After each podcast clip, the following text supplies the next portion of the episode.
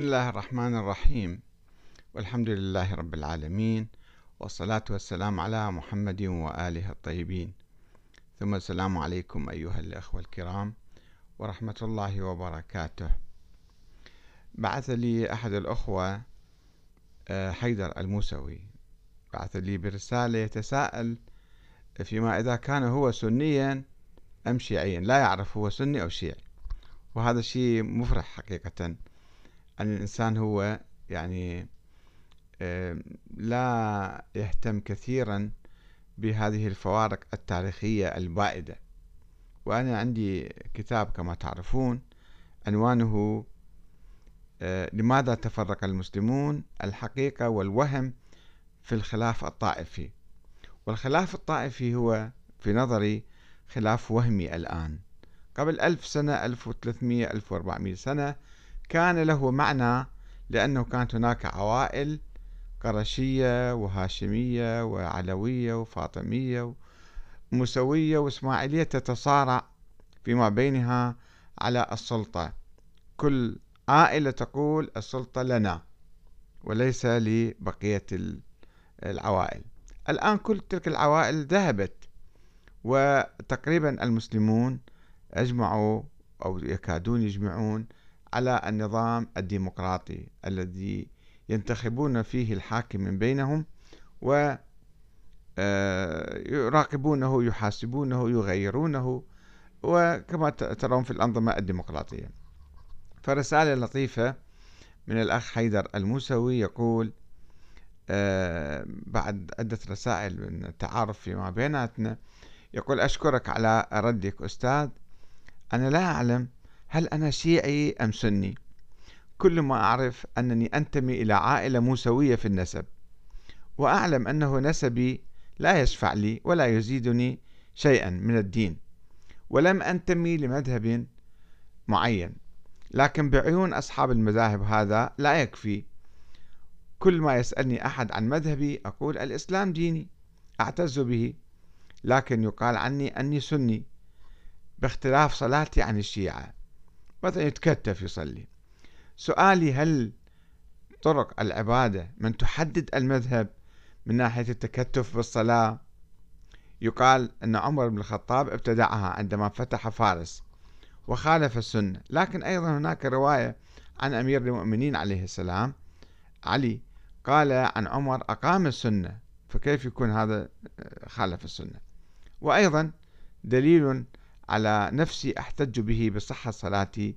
هو رواية رواية عن ابن عباس. أمرنا نحن معاشر أمرنا نحن معاشر الأنبياء أن نبلغ أسفارنا وأن نضع أيماننا على شمائلنا في الصلاة. وأيضا يقال عمر خالف النبي ومنع الصلاة فوق التربة. لكن عندما نبحث نجد عن أنس بن مالك أن النبي كان يصلي فوق قطعة من القماش. إن صحت الرواية. وأيضا الوضوء يقال أنه الحجاج من ابتدع غسل الأرجل في الصلاة. آه، أيضا حديث العترة أنت قلت يخاطبني أنا أنت قلت عنه ضعيف. وأيضا السنة تضعف الحديث. أقصد المذهب السني وليس سنة رسول الله. لكن ما هي المشكلة إذا كان صحيح؟ أليس أهل البيت النبي هم نقلة السنة؟ والسنة هي كل ما قال النبي أو أمر به إذا أخذنا بحديث وسنتي مثلا. هناك أحاديث كثيرة تحث على احترام آل البيت وبرهم وقالت السنة أوصيكم في أهل بيتي. خيرا. يعني رووا أهل السنة. وهناك من أتباع مذهب السنة يحب أهل البيت. وشرط وأيضا من سنة النبي وأيضا لو نأخذ رواية أهل بيتي أو آل بيتي فهم, فهم أيضا يحثوا على سنة رسول الله. أين الاختلاف؟ وأيضا لماذا يخرج الشيعة أزواج الرسول صلى الله عليه وآله وسلم من أهل البيت مع أنه أهل البيت إبراهيم يشمل أيضا أزواجه أيضا وحتى داود ويقال أنه المذهب السني ينصب العداء لعلي وآل البيت.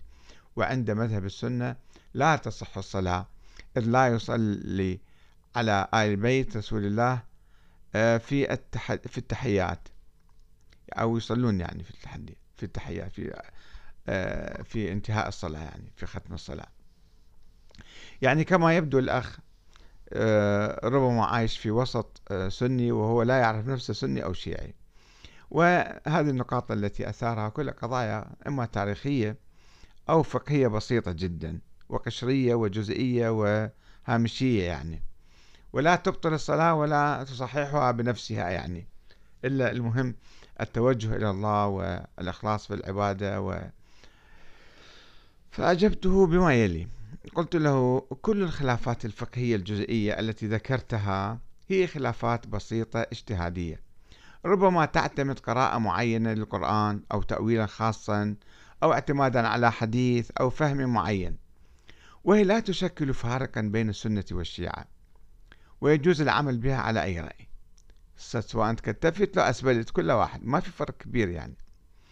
أن الخلاف الرئيسي بين ما يسمى بالسنة والشيعة ليس حول تلك المسائل الفقهية وإنما كان في التاريخ حول الإمامة أي الحكم والدستور يعني نظام الحكم.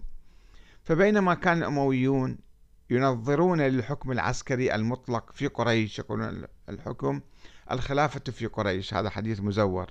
هم روجوه. معاوية بن أبي سفيان روجه. هذول الأمويين كانوا هكذا يقولون. العباسيون كانوا يحصرون الحق بالحكم في العترة. يقول نحن عشيرة النبي يعني عترة النبي. فإذا يحق لنا أن نحكم. وكان العلويون يقولون بأن الإمامة من حقهم. بعدين الحسينيون يقولون بأن الإمامة في السلالة الحسينية دون الحسنية. ثم انقسموا إلى إسماعيلية وموسوية ثم وصل هؤلاء إلى طريق مسدود بوفاة العسكري دون خلف وقال بعض أصحابه بوجود ولد مخفي له وأسسوا الاثنى عشرية بدعم من العباسيين والحكام البويهيين في مقابل الفاطميين في القرن الرابع الهجري. وقد ذهبوا جميعا اليوم وتخلى السنة والشيعة عن الفكر السياسي القديم وآمنوا بالديمقراطية فأصبحوا مسلمين ديمقراطيين. ثم أجابني الأخ حيدر مرة أخرى فقال نعم أنا أعلم أنها خلافات فقهية وبسيطة وأيضا الخلاف هو حول الإمامة والعصمة لكن لم ينتهي الفكر عند الشيعة والسنة في الفكر السياسي الموجود داخل الشارع المدني إلى الآن لكن بقلة وأيضا لو عرضنا أفكارك على الناس لقال أو لقالوا عنك أنك سني وأنك وأنت تعلم هذا أعتقد. ولكن أيضا الاختلافات الفقهية هي التي تميزك من مذهب لمذهب. هل يعقل أن يقال عنها بسيطة؟ وأنا أيضا أقول إنها بسيطة جزاك الله خيرا وأعتذر إن كان هناك إزعاج في الإطالة فأجبته بما يلي. نعم الخلافات الفقهية موجودة بين المذاهب ولكنها موجودة أيضا بين الفقهاء والمجتهدين في كل مذهب. وأساسا أن التقسيم السني الشيعي يعني لم يكن في التاريخ أو القرون الأولى كما هو اليوم على هذه المظاهر البسيطة. فلم يكن الإمام أبو حنيفة يعتبر سنيا رغم أنه كان يختلف فقهيا عن الإمام جعفر الصادق. في بعض المسائل كان يختلف أو في طرق الاجتهاد مثلا. وذلك لأن مصطلح سني كان يطلق في البداية فقط على الحنابلة أهل الحديث هم كانوا يعتبرون أنفسهم سنة. وحتى اليوم إذا تروحون للسعودية مثلا الحنابلة بالسعودية تسألونهم من هو السني؟ يقول لك السني يعني الحنبلي. أما الشوافع والمالكية والأحناف ذولا مجازا نسميهم سنة.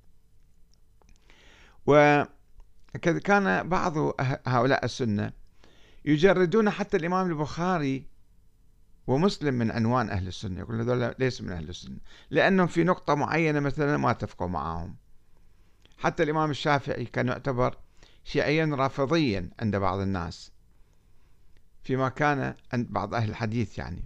فيما كان أئمة أهل البيت يعتبرون أئمة أئمة أهل السنة لدى بعض أهل السنة يعتبرون ذولا الإمام زين العابدين الإمام الباقر الإمام الصادق من أئمة أهل السنة.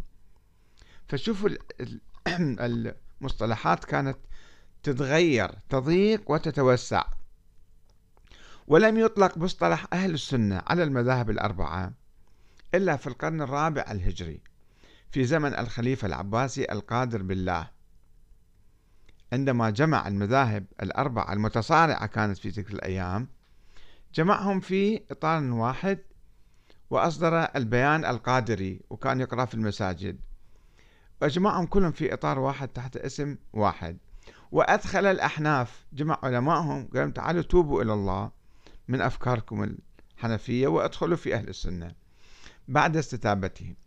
وكاد الخليفة القادر أن يدخل الاثنى عشرية في إطار أهل السنة إلا أنهم كانوا أقلية في أول نشأتهم يعني كانوا جدا قليلين.